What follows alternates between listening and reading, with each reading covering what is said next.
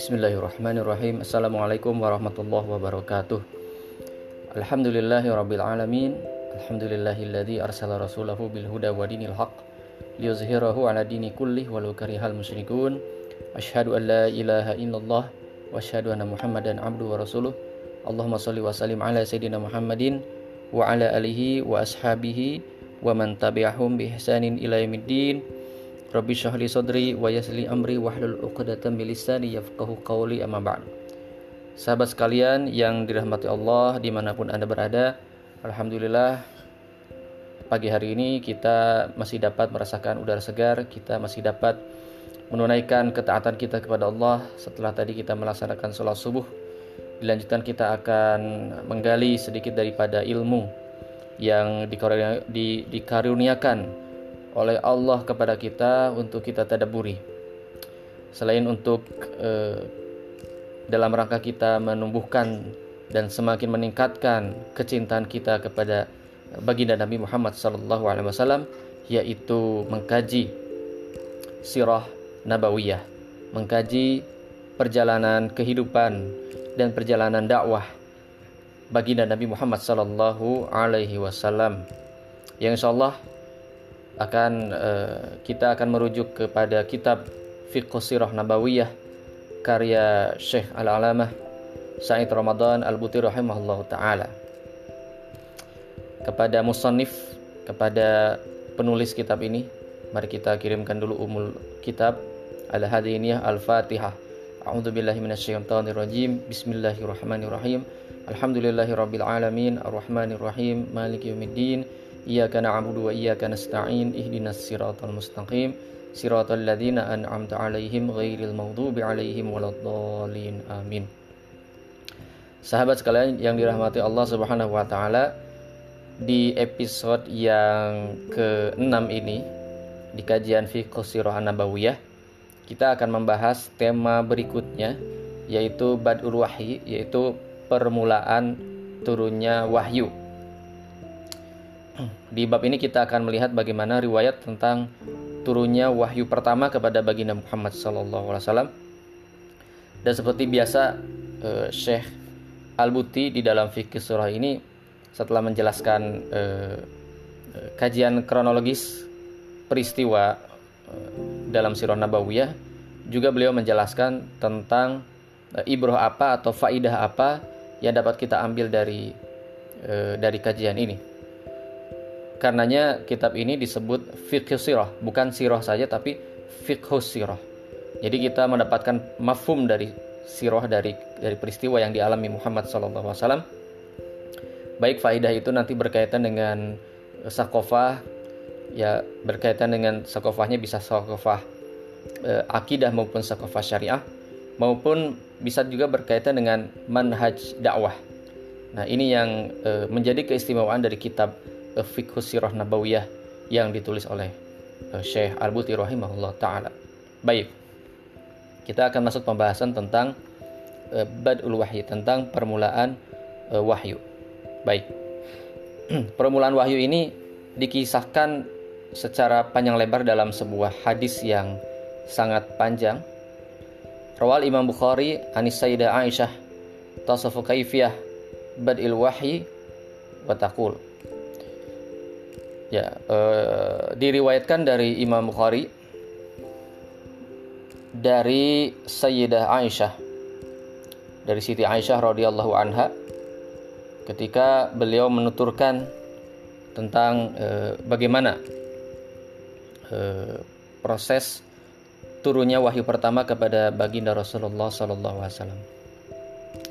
Baik, bagaimana penuturan Siti Aisyah kita lihat awalu ma budi abihi Rasulullah sallallahu alaihi wasallam minal wahyi ar-ru'ya as-salihah.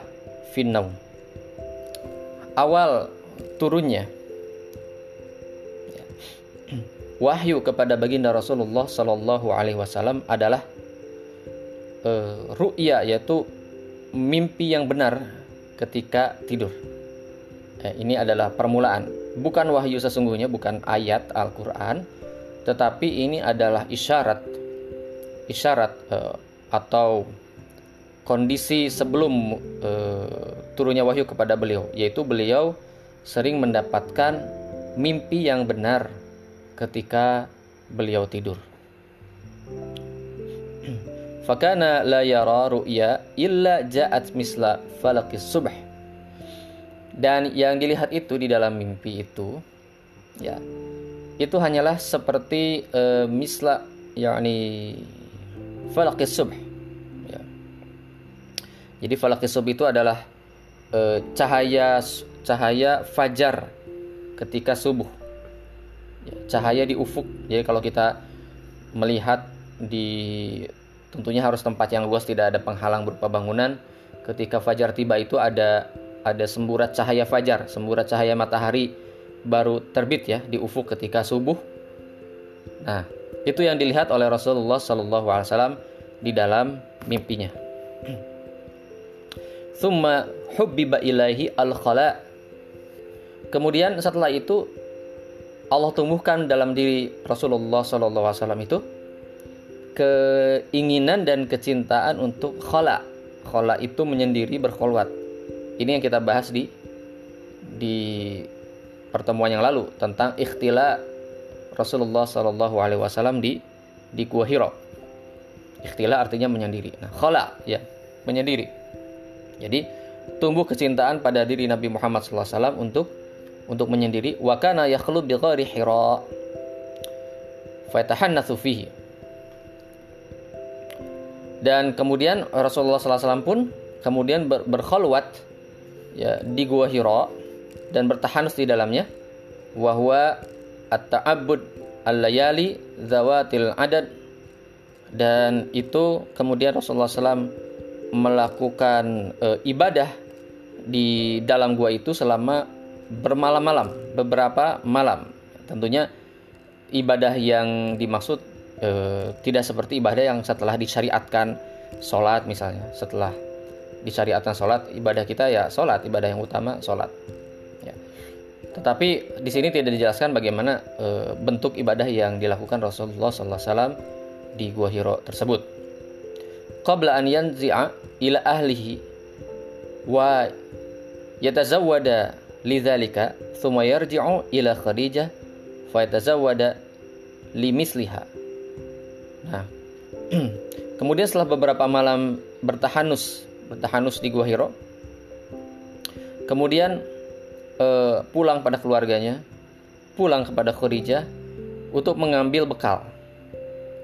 Setelah mengambil bekal, kemudian uh, dilanjutkan lagi, ya kembali ke Gua Hiro untuk melanjutkan tahanusnya. Dan beliau lakukan itu terus menerus selama Eh, beberapa tahun menjelang beliau mendapatkan wahyu pertama dari Allah Subhanahu wa taala. Hatta ja'ahul haqq wa huwa fi ghari Hira. Sampai datanglah al-haq. Sampai datanglah uh, wahyu kepada Muhammad sallallahu alaihi wasallam. Faja'ahul malak maka datanglah kepada beliau seorang malaikat dalam eh, hadis ini disebutkan isi mufradnya, jadi kata benda tunggalnya itu malak. Jadi kalau malaikah itu jamak ya, malaikah itu jamak, banyak. Kalau hanya satu berarti disebutnya malak. Fajahul malak datang kepada beliau seorang malaikat. Faqala iqra. Kemudian malaikat tadi berkata iqra. Bacalah. Qala ma ana biqari. Rasulullah SAW menjawab saya tidak dapat membaca. Qala fa akhadani. Kemudian malaikat tersebut mendatangiku, mendekati kemudian meluku erat-erat hatta balagha mini al-juhda sampai aku merasakan kepayahan, kelelahan karena saking eratnya dipeluk itu sampai uh, sesak. Thumma arsalani Kemudian uh, aku pun dilepas. Setelah dipeluk dilepas, faqala iqra. Lalu malaikat itu berkata lagi, iqra, bacalah. Qultu ma ana biqari. Kemudian aku pun menjawab lagi kata Rasulullah SAW, e, saya tidak dapat membaca. Fa'akhadani faghattani atsaniyah. Lalu kembali malaikat itu mendekati dan memelukku erat-erat untuk kedua kalinya hatta balagha mini al-juhda sampai aku pun merasa kepayahan karena dipeluk itu thumma arsalani lalu malaikat itu melepasku lagi ya. faqala iqra kemudian berkata lagi iqra bacalah faqultu ma ana biqari aku pun menjawab lagi aku tidak dapat membaca. Fa akhadani faghattani thalithah. Lalu malaikat itu mendekatiku lagi dan memelukku lagi untuk ketiga kalinya. Thumma arsalani kemudian melepaskanku lagi. Faqala dan berkata lagi malaikat tadi Iqra bismi rabbikal ladzi khalaq khalaq khalaqal insana min 'alaq. Iqra wa rabbukal akram. Kemudian malaikat itu uh, menyampaikan ini wahyu pertama kepada Rasulullah SAW yang termuat di dalam surat Al-Alaq. Kita bisa baca dalam surat Al-Alaq ya. A'udzubillahi minasyaitonirrajim. Iqra bismi rabbikal ladzi khalaq khalaqal insana min 'alaq Iqra wa rabbukal akram. Bacalah dengan nama Tuhanmu yang menciptakan, yang menciptakan manusia dari uh, segumpal darah. Dan uh, bacalah dan Tuhanmu yang maha mulia dan seterusnya. Uh, Al-Alaq 1 sampai 5. Faraja abiha Rasulullah sallallahu alaihi wasallam yarjufu fuaduhu. Kemudian uh, Rasulullah sallallahu alaihi wasallam setelah setelah mendapatkan peristiwa itu, maka pulanglah Rasulullah sallallahu alaihi wasallam ya, sam, sambil uh, ketakutan, gemetaran, ya, karena merasakan keta, apa, keterkejutan yang amat sangat itu. Jadi Rasulullah SAW pulang dalam keadaan gemetaran badannya, sekujur tubuhnya gemetar. Fadakhala ala Khadijah binti Khuwailid. Maka beliau pun masuk ke rumah Khadijah binti Khuwailid, artinya masuk ke rumah beliau. Uh, dan terdapat di rumah tersebut istri beliau ya eh, Khadijah binti Khuwailid radhiyallahu anha faqala lalu Rasulullah SAW pun berkata kepada istri tersebut zamiluni zamiluni selimuti aku selimuti aku fazammaluhu fazammaluhu hatta dhahaba anhu hatta dhahaba anhu ar lalu diselimutilah Rasulullah SAW oleh Siti Khadijah e, sampai hilang rasa takut dari beliau. Ya. Karena diselimuti, e, diselimuti itu maka rasa takut pun hilang dari beliau. Faqala li Khadijah. Kemudian e, beliau berkata kepada Khadijah, wa akhbaru hal khabar laqad khashitu ala nafsi. Kemudian Rasulullah SAW pun menyampaikan kepada Siti Khadijah radhiyallahu anha apa yang dialami peristiwa apa yang dialami oleh Rasulullah SAW di Gua Hiro tadi dan beliau berkata kepada Khadijah bahwa aku takut akan diriku sendiri kata beliau. Aku takut khawatir terhadap diriku sendiri. Ya.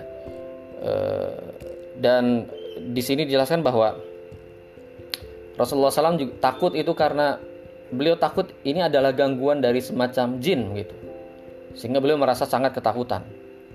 Faqalat Khadijah.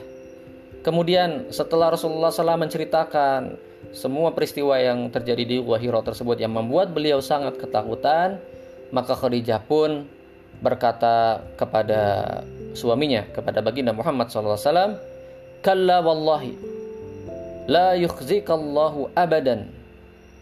Ya. Tidak wahai suamiku kata Khadijah. Ya, tidak usah takut. Wallahi demi Allah la yukhzikallahu abadan. Sungguhnya Allah sama sekali tidak akan e, mengecewakanmu. Allah tidak akan mengecewakanmu selamanya, tidak akan mencelakakanmu selamanya. Innaka la tasil rahim. Kenapa demikian? Karena sesungguhnya engkau wahai suamiku, engkau selalu menjambung silaturahim, selalu menjambung e, kekerabatan, watahmilu watahmilul kalla dan selalu menolong orang yang susah wataksibul ma'dum ya eh, sama ya. Selalu mengemban beban menolong orang yang susah. Jadi beliau itu adalah seorang yang dermawan. Orang-orang susah beliau tolong ya. Dan beliau memikul beban menolong orang-orang susah itu oleh beliau sendiri wataqrid dhaif dan juga memuliakan tamu. Wa tu'ilu ala nawaibil haq dan juga uh, selalu membantu orang atau membela orang yang berdiri di atas kebenaran. Ya. Fangtalaqat bihi Khadijah hatta atas bihi Waraqah bin Naufal bin Asad bin Abdul Uzza ibnu Ammi Khadijah. Nah, setelah diceritakan bahwa engkau jangan khawatir karena engkau adalah selalu berbuat baik, selalu membela kebenaran, selalu menolong orang lemah, memuliakan tamu. Dengan karakter-karakter seperti itu, maka Siti Khadijah yakin bahwa Rasulullah SAW tidak akan pernah diganggu oleh semacam jin, tidak akan dicelakakan. Karena beliau punya karakter-karakter yang sangat mulia. Maka setelah itu, karena khawatir maka dan karena e, ingin tahu apa yang sebenarnya terjadi pada suaminya, maka Siti Khadijah pun membawa Muhammad SAW kepada uh, Waraqah bin Naufal ya, bin Asad bin Abdul Uzza ya yang beliau itu adalah Ibnu Ami Khadijah. Beliau itu adalah uh, anak dari pamannya Khadijah atau dengan kata lain uh, sepupu daripada Khadijah. Nah, ini nama lengkapnya Waraqah bin Naufal bin Asad bin Abdul Uzza. Itu nama lengkapnya dan beliau adalah uh, sepupu Khadijah. Rasulullah SAW diajak oleh Siti Khadijah menemui uh, Waraqah bin Naufal ini. Wa kana imra'an qad tanassara fil jahiliyah dan dia itu adalah seorang Nasrani ketika masa jahiliyah. Seorang Nasrani. Nasrani ini di Mekah ini sangat jarang sebetulnya. Dan biasanya e, Nasrani di Mekah itu e, biasanya golongan yang tergolong intelek ya. Karena mereka membaca kitab. Makanya disebut ahlu kitab ya, mereka e, secara intelektual lebih tinggi lah dibandingkan masyarakat Mekah pada umumnya ya, sehingga kadang menjadi rujukan ya. Terutama untuk peristiwa-peristiwa seperti ini. Nah. Wakana yaktubul kitab al ibrani fayaktubu minal injil bil ibroniyah masya Allah an yaktub. Dan uh, Warqa bin Nawfal ini pintar dalam bahasa Ibrani dan bahkan dia menulis ya tulisan-tulisan yang yang yang dikutip dari Injil ya dalam bahasa Ibrani. Bahasa Ibrani itu yang biasa dipakai di eh, kalangan Bani Israel dulu ya. Kalang di wilayah sekitar eh, Palestina. Mereka me, me, menggunakan bahasa Ibrani dan mereka menulis eh, eh, Warqa menulis kutipan dari Injil dalam bahasa Ibrani. Jadi menandakan beliau itu sebetulnya orang alim seorang ulama di dalam agama Nasrani ini dan seorang yang eh, sering menelaah isi Injil. Jadi beliau orang yang yang pintar, yang yang alim. Faqatallahu Khadijah. Nah, wa kana syekhon kabiran dan dia itu seorang yang sudah sudah tua. Eh, qad dan sudah buta, sudah tua, sudah buta ya. Jadi eh, beliau itu sudah sangat senior ya. Nah, ya sebelum butanya tentu beliau sering menelaah kitab Injil tadi. Faqalat lahu Khadijah maka Khadijah pun berkata kepada sepupunya tadi kepada Waraqah bin Naufal, "Ya ibn ammi, wahai sepupuku, isma' min ibni akhik." Ya, isma' min ibni akhik. E, coba kau dengarkan, ya. Apa yang dikatakan oleh anak lelaki saudaramu ini. Yaitu maksudnya adalah Nabi Muhammad sallallahu alaihi wasallam. Faqala lahu "Ya ibni akhi." Maka Waraqah pun berkata kepada Muhammad sallallahu alaihi wasallam, "Ya ibni akhi, wahai uh, anak saudaraku." Ya. Mada tara? Apa yang engkau lihat? Ya. Pertanyaan Waraqah kepada Nabi Muhammad sallallahu alaihi wasallam. Fa Rasulullah sallallahu alaihi wasallam khabara ma ra'a maka Rasulullah SAW pun menceritakan kepada Warokah apa yang dia lihat. Wah saya melihat di gua, saya di gua bertahanus kemudian tiba-tiba datang malaikat kepada saya. Uh, dia tidak menyebut malaikat, datang sosok yang saya tidak tahu. Uh, datang kepada saya kemudian mendekati dan memeluk sambil membaca, menyuruh saya membaca dan seterusnya. Ya. Dan beliau tidak tahu apa yang dia lihat. Beliau hanya menceritakan uh, bagaimana peristiwa itu terjadi. Ya. Faqala lahu ya, maka Waraqah pun berkata setelah mendengar oh melihat sosok seperti itu menyampaikan harus membaca memeluk dan sebagainya sosok yang tidak tahu itu sosok apa dan e, sangat mengejutkan dan menakutkan maka Waraqah pun berkata kepada Nabi Muhammad SAW hada namus. Ini itu adalah namus. Waraqah tidak bilang bahwa itu malaikat apalagi menyebutkan nama malaikat Jibril tidak. Tapi Waraqah e, bilang bahwa itu adalah namus. Alladzi nazalallahu ala Musa yang juga turun kepada Musa. Ya. Eh, jadi itu adalah turun kepada Musa. Mengisyaratkan bahwa hal tersebut adalah wahyu. Ya laitani fiha jad'an laitani akunu hayyan. Id yukhrijuka qaumuka. Nah, eh, alangkah bahagianya. Nah, seandainya aku masih muda, masih perkasa, masih kuat kata Warokoh. Alangkah gembiranya seandainya aku masih hidup ketika kamu nanti diusir oleh kaummu. Nah, ini kata namus eh, kata siapa Warokoh seperti itu. Ya. Andai saja aku masih kuat, masih muda dan aku masih bisa menyaksikan ketika kamu nanti diusir. Padahal eh, belum ada reaksi apa-apa dari kaumnya, dari eh, bangsa Quraisy, dari orang-orang Mekah belum ada reaksi apa-apa. Karena peristiwa ini masih dirahasiakan, masih belum ada yang tahu kecuali Siti Khadijah dan pendeta Kristen tersebut, Warokoh. Belum ada yang tahu, tetapi Waraqah sudah bilang bahwa kamu nanti akan diusir oleh kaum. Faqala Rasulullah sallallahu alaihi wasallam, "Au mukhrijayahum?" Ya. Rasulullah SAW bertanya untuk memastikan apakah mereka akan mengusirku? Qala na'am, ya. Mereka akan mengusirmu. Lam yati rajulun qattu bimisli ma ji'ta bihi illa udia. Ya. Tidaklah datang seorang pun membawa seperti yang kamu bawa kecuali akan e, diperangi. Wa in yudrikuni yaumuka ans ansurka nasron muazzaron. Seandainya ya aku masih hidup dan mengalami hari yang kamu hadapi itu pasti aku akan menolong kamu. Jadi itu kata Warokoh itu sudah berazam. Kalau aku masih hidup, masih kuat. Ketika kamu nanti diusir oleh kaum kamu, aku pasti akan menolong kamu. Itu kata Waraqah bin Naufal. Lam yanshab Waraqah an yutaf uh, an tufiya wa al wahya. Tapi sayangnya ya, tidak lama kemudian karena Waraqah ini sudah sangat tua, sudah sangat sepuh, sudah sangat lemah, maka tidak lama kemudian Waraqah bin Naufal ini pun meninggal dunia. Dan setelah Warokoh bin Naufal meninggal dunia, maka uh, wahyu pun terhenti beberapa saat. Wahyu berhenti. Tidak ada lagi turun wahyu kepada Nabi Muhammad Sallallahu Alaihi Wasallam setelah peristiwa pertemuan dengan Warokoh bin Naufal. Baik, kita lanjutkan. Apa yang terjadi setelah itu?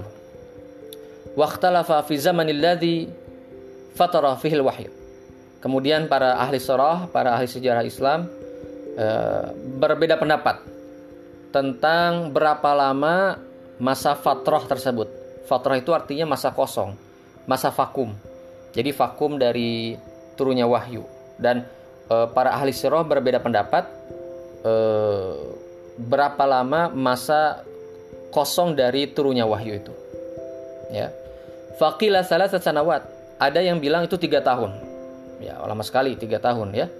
Wakil aqal min dalik ada juga yang bilang itu lebih sedikit lebih pendek dari tiga tahun. Masa kosongnya wahyu. Warrojih nah ini yang benar nih. Yang rojih berarti yang paling mendekati kebenaran ya marawahul baihaqi yaitu yang diriwayatkan oleh uh, Imam al baihaqi min annal muddah kanat sitatasyur yaitu bahwasanya fatroh atau masa kosong tersebut itu sebetulnya tidak sampai tiga tahun, tetapi enam bulan. Ya, enam bulan Nabi Muhammad SAW tidak mendapatkan wahyu, tidak ada tanda-tanda turunnya wahyu, sebagaimana yang beliau alami di gua gua Hiro. Ya itu selama enam bulan sampai dikisahkan bahwa e, karena fatrohnya ini karena karena enam bulan ini kosong dari wahyu, maka Baginda Muhammad SAW merasa sangat tertekan.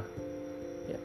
Beliau menjadi gelisah, menjadi tidak menentu bahkan dikisahkan sampai beliau ingin ingin uh, terjun dari tebing yang tinggi. Nah, ini kondisi kejauhan beliau setelah enam bulan tidak mendapatkan wahyu karena beliau merasa resah. Beliau uh, masih belum hilang kebingungan beliau kenapa bertemu dengan malaikat di di Gua Hiro dan beliau uh, ada perasaan mungkin saya dimuliakan tapi kemudian setelah enam bulan ini tidak ada wahyu, beliau merasa apakah mungkin ada sesuatu yang yang yang salah yang saya perbuat sehingga Allah menghinakan saya lagi. Itu yang kemudian beliau pikirkan. Kenapa tidak turun wahyu? Summa rawal Bukhari an Jabir bin Abdullah qala wa huwa hadis wa huwa yahdatsu eh, an fatrah al-wahyi an fatratil wahyi faqala fi hadisihi. Kemudian Imam Bukhari meriwayatkan dari Jabir bin Abdullah dan uh, tentang fatrah wahyu tentang masa kosongnya wahyu itu kemudian uh, kemudian beliau berkata kepada aku kata kata Imam uh, eh, Al Bukhari nah ya tentang Jabir. Jabir berkata seperti ini. Jabir berkata uh, bainama ana nah, Jabir berkata bahwa aku mendengar dari Rasulullah alaihi wasallam bainama ana amsi. Suatu ketika aku sedang berjalan. Idza sami'tu sautan minas sama tiba-tiba aku mendengar sebuah suara dari langit ya. tiba-tiba ada suara dari langit ya Muhammad gitu kan farabatu basori lalu aku kemudian mengangkat pandanganku melihat ke atas melihat ke langit ada apa Siapa yang memanggilku di langit? Fa idzal malak alladzi ja'ani bi Hira jalis 'alal kursi bainas sama'il wal ard. Faraghibtu min. Ternyata setelah Rasulullah SAW melihat ke atas, melihat ke langit, ternyata di langit itu ada malaikat. Sebagaimana kata Rasulullah SAW yang aku lihat di Gua Hiro. Dan malaikat itu sedang duduk di atas kursi. Kursinya di antara langit dan bumi. Faraghibtu minhu dan sampai aku kemudian merasa uh, takut ya. Aku merasa kaget dan kemudian aku pun pulang farajatu. Pulang ke rumahnya fakultu zamiluni zamiluni. Sama dengan peristiwa pertama, Rasulullah SAW kemudian berkata, selimuti aku, selimuti aku. Saking takutnya melihat sesosok malaikat yang sedang duduk di atas kursi dan kursinya itu di antara langit dan bumi. Besar sekali. Ya. Besar sekali sosok itu. Nah, ini membuat Rasulullah SAW takut. Jadi memang ukuran asli malaikat itu lebih besar daripada bumi. Maka Rasulullah SAW ketakutan pulang ke rumahnya dan Zamilu bin Zamilu mengatakan kepada istrinya, selimuti aku. Fa'angzalallahu azza wajal. Maka Allah pun menurunkan wahyunya pada saat itu. Ya, itu wahyu kedua setelah uh, Iqra 6 bulan sebelumnya. Apa wahyunya? Ya ayyuhal muddathir kum fa'antir. Wahai orang-orang yang berselimut, bangunlah, bangkitlah dan berilah peringatan. Ila qauluhi sampai kepada ayatnya warrujza fahjur dan kotoran dosa jauhkanlah. Nah, fa uh, humiyal wahyu wa tawatur. Maka setelah itu pun wahyu itu turun secara secara secara kontinu, turun terus menerus. Jadi fatrahnya itu 6 bulan. Tidak ada wahyu selama 6 bulan, tapi setelah turun ya ayuhan mudathir, maka setelah itu pun wahyu turun secara terus menerus secara teratur kepada baginda Muhammad sallallahu alaihi wasallam. Baik. Sampai di sini uh, Al-Musannif penulis berhenti uh, dalam pembahasan tentang turunnya wahyu. Nah, kemudian dilanjutkan oleh beliau, oleh penulis kitab ini, apa ibroh, apa pelajaran yang bisa kita ambil dari kisah tersebut. Inilah kenapa kitab ini judulnya bukan Sirah Nabawiyah, tapi Fikih Sirah Nabawiyah. Fiqh Sirah. Jadi fikih yang bisa kita ambil dari sirah. Fikih itu ya sebuah pemahaman. Fikih yang lebih luas itu tidak sekedar hukum, ya atau syariat tapi fikih lebih luas bisa pemahaman tentang akidah, pemahaman tentang pemikiran Islam, pemahaman tentang syariah, maupun pemahaman tentang manhaj dakwah, metode dakwah. Nah, itu bisa kita ambil dari dari eh, penggalan-penggalan kisah eh, sirah nabawiyah. Nah, dari eh, penggalan kisah tentang turunnya wahyu ini ada beberapa ibroh yang bisa kita ambil menurut Al-Musnif Syekh Ramadan Al-Buti rahimahullah taala. Apa itu? Yang pertama, pelajarannya adalah tentang kebenaran wahyu.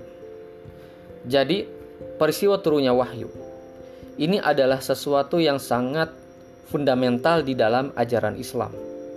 Mengapa demikian? Karena keseluruhan ajaran Islam itu dibangun di atas wahyu. Semuanya, baik itu masalah akidah, keimanan, masalah syariah, masalah eh, akhlak, ya, semua hal yang berkaitan dengan agama kita ini sekarang, itu semuanya berdiri di atas wahyu. Semuanya berdiri di atas landasan wahyu. Oleh karena itu, masalah wahyu ini menjadi masalah yang sangat penting. Kebenaran dan keyakinan bahwasanya wahyu telah turun kepada baginda Muhammad SAW dari Allah Subhanahu wa taala lewat malaikat Jibril ini merupakan sesuatu yang sangat fundamental di dalam pemahaman agama kita. Sebab kalau ada orang yang meragukan wahyu, meragukan bahwa wahyu telah turun kepada baginda Muhammad Wasallam, maka dapat dipastikan keislaman orang tersebut akan runtuh. Semua pemahaman keislaman itu akan runtuh karena tidak percaya wahyu. Nah, oleh karena itu, bagi orang-orang yang atau golongan yang ingin menyerang Islam, ingin menyerang Nabi Muhammad Wasallam, ingin meruntuhkan bangunan pemikiran Islam, maka mereka memulai dari meragukan kisah wahyu ini. Ya. Ini yang dilakukan oleh uh, para orientalis, orang-orang yang mempelajari Islam, tapi tujuannya untuk menghancurkan Islam, orientalis. Nah, para orientalis ini, mereka itu apa yang mereka lakukan pertama kali untuk meruntuhkan bangunan Islam? Ya bukan dengan cara misalnya oh hukum potong tangan tidak manusiawi misalnya. Hukum rajam tidak manusiawi. Bukan itu sebetulnya. Tapi yang pertama-tama meruntuhkan fondasi dasarnya yaitu tentang wahyu mereka mencoba menebar keraguan bahwa Nabi Muhammad SAW itu menerima wahyu mereka bilang tidak Nabi Muhammad SAW tidak menerima wahyu apa yang mereka tuduhkan akhirnya mereka membuat sebuah teori-teori untuk meruntuhkan keyakinan kita pada wahyu teori-teori yang mereka buat di antaranya.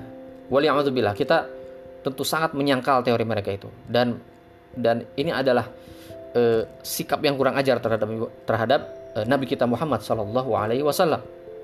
Ya, bahkan kalau secara hukum bisa penistaan agama sebetulnya. Ya, kalau secara hukum. Nah, tapi mereka bergerak di ranah di ranah akademis. Apa yang mereka tuduhkan? Yang mereka tuduhkan adalah bahwasanya Nabi Muhammad SAW itu mendapatkan wahyu itu adalah semacam ilham atau hasil pemikiran beliau sendiri, hasil perenungan. Jadi terhadap kelompok seperti ini Rasulullah SAW diposisikan seperti layaknya e, para filosof, ya para filosof yang yang e, aktivitas mereka berpikir berpikir merenung merenung sampai perenungan mereka sampai pada satu kesimpulan. Nah, sampai pada satu pemikiran. Nah, pemikiran ini yang kemudian dijadikan ajaran Islam dan didakwahkan oleh Muhammad Shallallahu Alaihi Wasallam.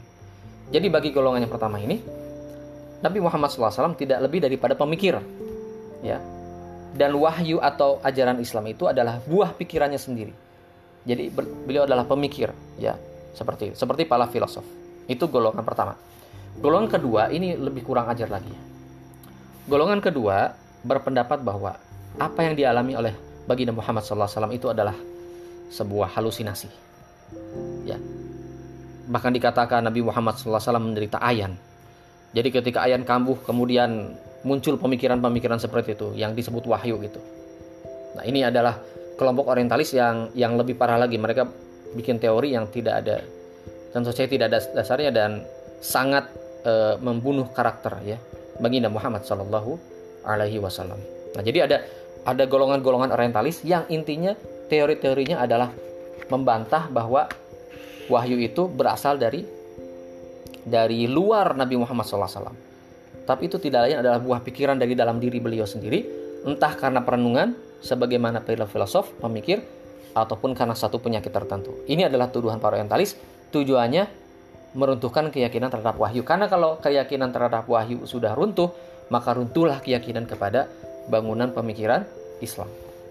Nah ini, sehingga peristiwa turunnya wahyu ini betul-betul sangat penting. Inilah pentingnya kita mengkaji sirah sahabat sekalian. Sahabat sekalian yang dimuliakan Allah, mengkaji sirah bukan sekedar cerita, bukan sekedar dongeng, bukan sekedar wah hebatnya begini begitu, bukan. Tapi bagaimana dari sirah nabawiyah ini menguatkan keimanan kita.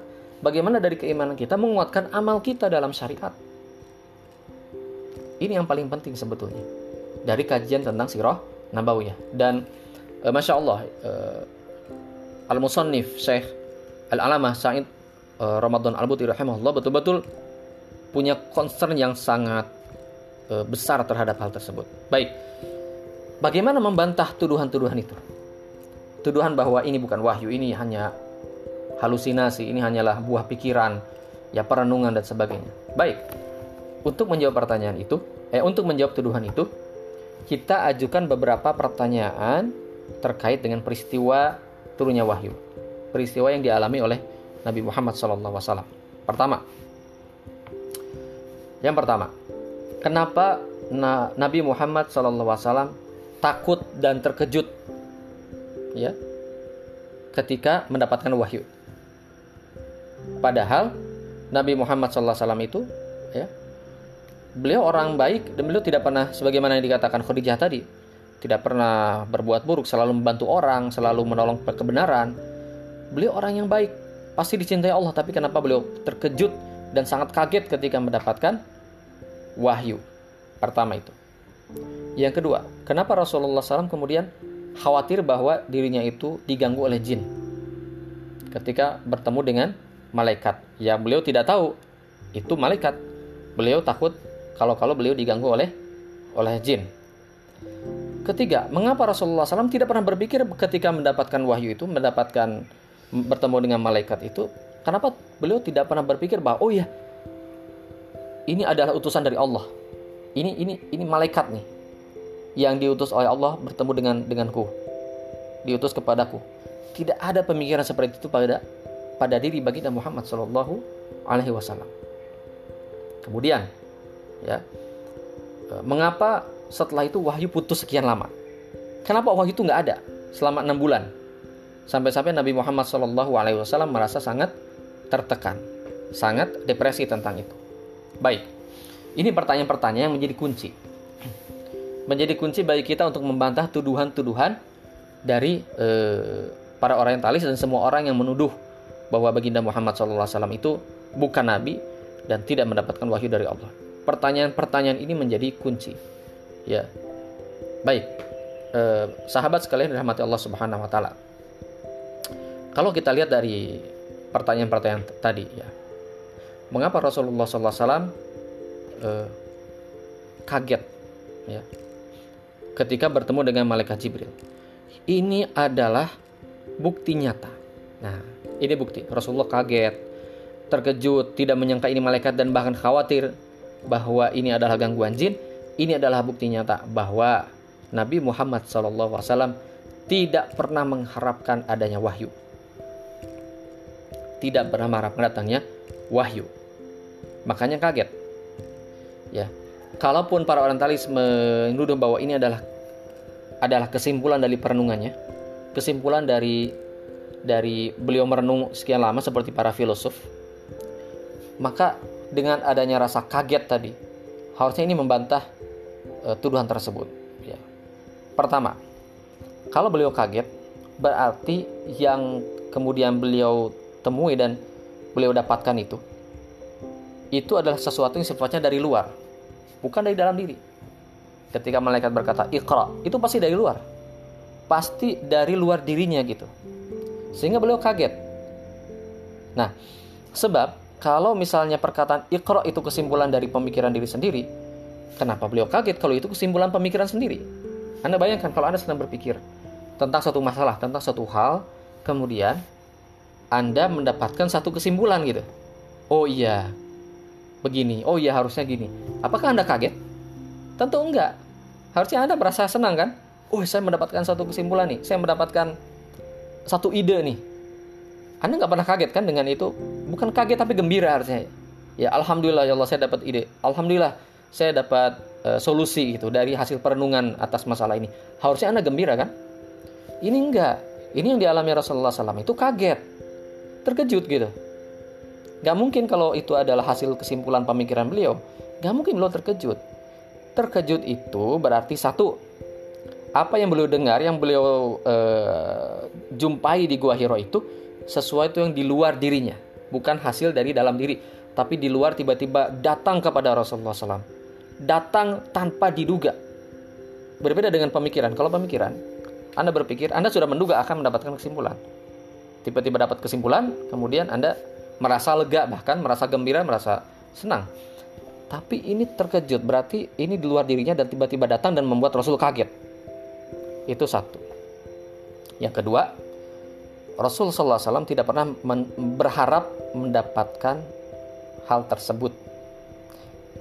Kalau Rasulullah SAW berharap mendapatkan wahyu, harusnya senang dong. Datang malaikat Jibril, ya, datang malaikat, oh ini utusan dari Allah. Alhamdulillah, uh, hasil dari kholwat saya di Gua Hiro ini menemukan apa hasil gitu. Jadi ada hasilnya saya dapat malaikat saya ditemui oleh malaikat. Harusnya senang gitu. Seperti orang-orang yang semedi ya. Orang-orang yang bertapa ke gunung ke hutan. Itu kan memang ingin dapat wangsit ya.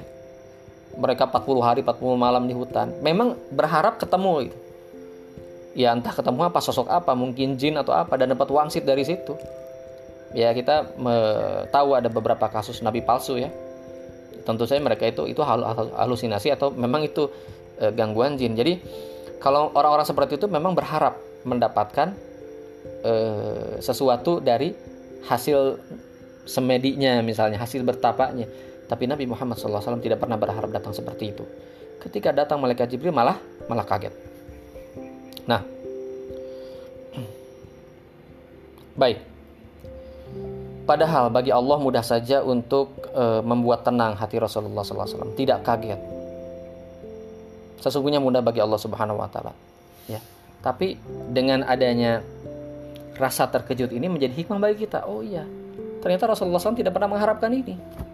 Tidak pernah ada cita-cita dalam diri Nabi Muhammad SAW. Saya ingin jadi nabi. Ya. Maka saya merenung di Gua Hiro ingin didatangi malaikat. Itu nggak pernah ada. Itu. Nah, kemudian tentang masa fatrah tadi, 6 bulan. 6 bulan tidak ada wahyu ya. Enam bulan tidak ada wahyu. Ini juga menunjukkan bahwa wahyu itu datang didatangkan dan Rasul itu tidak punya kuasa apa-apa gitu. Seandainya itu adalah hasil perenungan pemikiran Rasulullah SAW maka tidak pernah ada waktu enam bulan kosong itu. Kan tinggal berpikir aja. Seperti kita mengarang pemikiran mengarang suatu misalnya kita mengarang buku atau apa pun ya kita ketika kita ingin mengarang ya kita akan mengarang ya Ketika kita ingin menulis sesuatu atau menelurkan suatu ide, ketika kita ingin, saat itu juga kita bisa mengeluarkan itu gitu. Tapi ini enam bulan Rasulullah dalam kecemasan. Tidak ada turun wahyu. Artinya apa? Wahyu itu lahir dari datang dari luar dirinya. Datang dari luar dirinya, dari luar diri Rasulullah Shallallahu Alaihi Wasallam. Baik, inilah bukti bahwa wahyu dari Allah Subhanahu Wa Taala.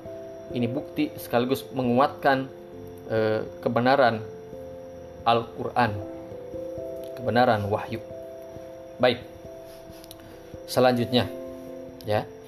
Ada juga bukti-bukti eh, bahwa wahyu ini berasal dari Allah bukan dari diri Muhammad SAW sahabat sekalian kalau kita lihat tulisan-tulisan misalnya kalangan eh, liberal itu cenderung ingin menguatkan teori orientalis tadi bahwa eh, wahyu ini terbetik dalam hati Rasulullah SAW jadi wahyu ini lahir dari baginda Muhammad SAW ya.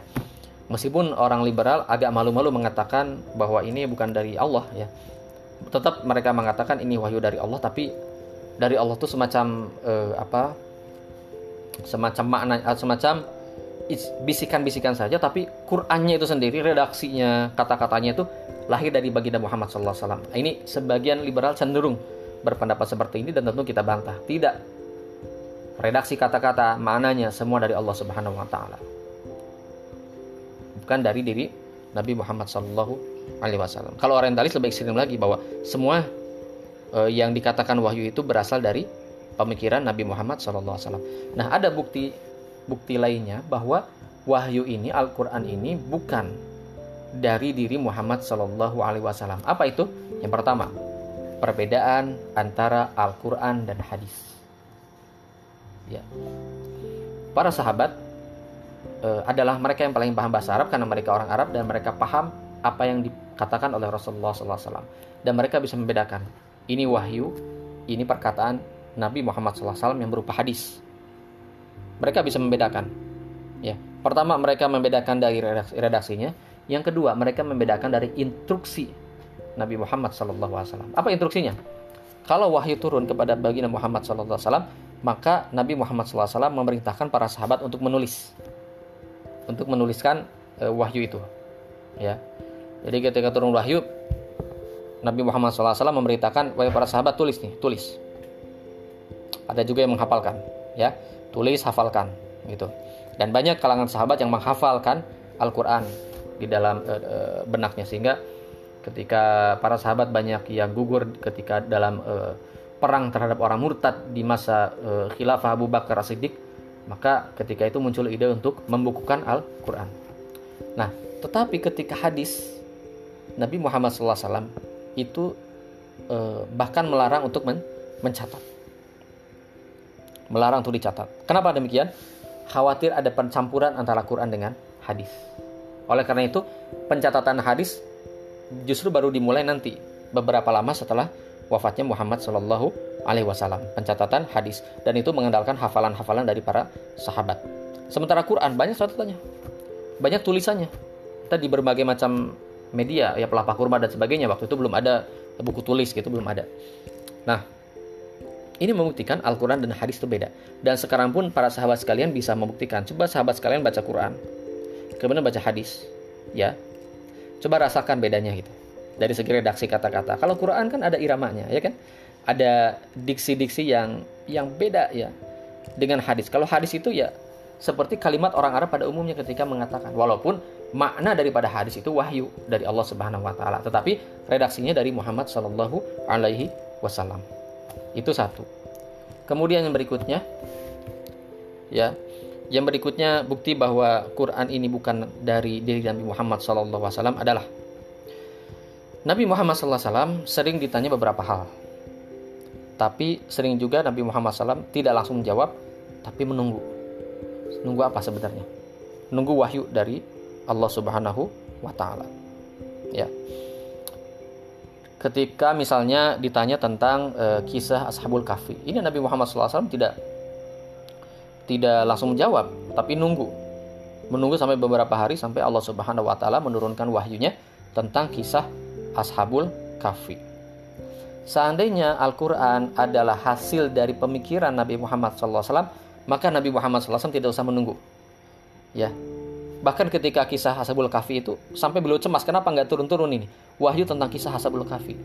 Seandainya itu muncul dari pemikiran beliau, tidak usah nunggu langsung ada jawab. Apa pun masalah yang ada langsung bisa dijawab tanpa menunggu wahyu. Tapi Rasulullah SAW tidak. Rasulullah SAW sering kali menunggu sampai datangnya wahyu kepada beliau. Ini membuktikan bahwa Quran itu dari luar dirinya, yaitu dari Allah Subhanahu wa taala, bukan pemikiran beliau, bukan perenungan beliau.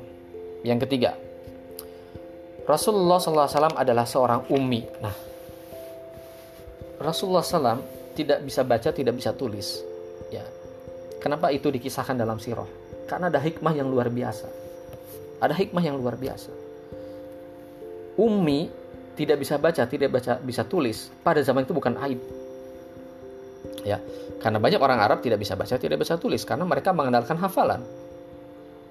Mereka sangat kuat ingatannya.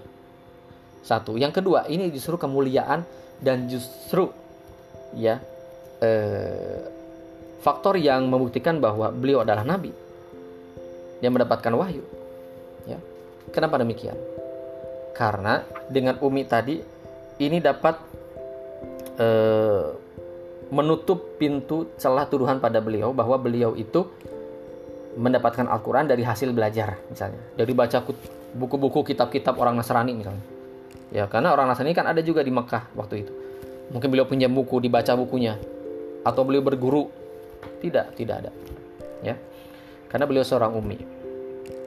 Maka semua yang yang disampaikan beliau itu semuanya dari wahyu dari Allah Subhanahu wa taala, bukan hasil belajar beliau. Ya, tidak mungkin Rasulullah SAW mengetahui kisah tentang Nabi Musa yang dihanyutkan di sungai, kisah Fir'aun, dan kisah-kisah lainnya. Tidak mungkin, karena beliau itu ummi. Ya, tidak mungkin.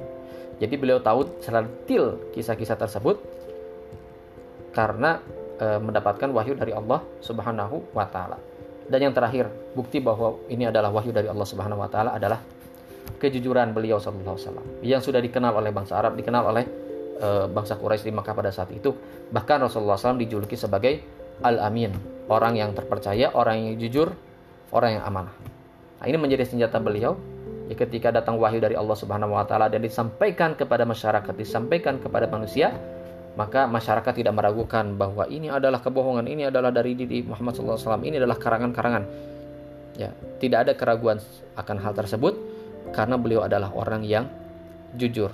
Bahkan bangsa Arab Quraisy karena mereka adalah uh, ahlul lughah, mereka adalah ahlu syair, mereka paham agama uh, sastra, mereka paham bahasa sehingga ketika mereka mendengar apa yang disampaikan Rasulullah SAW, pada dasarnya mereka mengakui bahwa Al-Quran secara bahasa tidak bisa ditandingi. Bahkan oleh mereka yang ahli bahasa, pandai bersair, tidak bisa ditandingi oleh mereka. Mereka takluk. Itulah kenapa Al-Quran menjadi mukjizat dan mukjizat Al-Quran ada pada bahasa, ada pada uslub bahasanya baik berupa kata-katanya, susunan kata, susunan irama dan sebagainya, itu tidak bisa disamai oleh bangsa Arab. Bahkan Al-Quran sampai e, menantang bangsa Arab, menantang orang-orang Arab untuk mendatangkan semisal Al-Quran, mereka tidak bisa e, menjawab tantangan tersebut. Dan ini bukti bahwa Quran bukan berasal dari Nabi Muhammad SAW, karena kalau kalau Quran berasal dari Nabi Muhammad SAW, mestinya orang Arab bisa membuat hal yang serupa. Karena orang Arab banyak yang lebih pintar daripada Nabi Muhammad SAW dalam membuat syair. Banyak. Tapi mereka toh tidak bisa membuat. Maka mereka mengakui ini bukan perkataan manusia. Ya. Tetapi dengan kesombongan mereka, mereka tetap menolak kebenaran, menolak Islam. Ya. Baik, eh, sahabat sekalian rahmati Allah Subhanahu wa taala. Eh, demikian pembahasan tentang turunnya wahyu. Eh, turunnya wahyu pertama kepada Rasulullah SAW dan masya Allah dari kisah turunnya wahyu ini eh, dengan wasilah kitab yang ditulis oleh Al Musonif ini oleh Syekh Al-Buti rahimahullah kita dapat mengambil uh, ibrah sakofiyah. Kita bisa mengambil pelajaran yang sifatnya uh, sakofah untuk menguatkan uh, kekuatan sakofah kita, sakofah Islam. Nah, ya. Mungkin selama ini kita kalau membaca sirah tentang turunnya wahyu hanya mendapatkan ya ini cerita ini kisah bahwa wahyu turun pertama kepada Nabi Muhammad SAW dan Nabi Muhammad SAW merasa ketakutan dan sebagainya ternyata dari kisah tersebut Syekh Al-Buti rahimahullah bisa menunjukkan kepada kita bahwa hal tersebut adalah fundamental di dalam keislaman kita.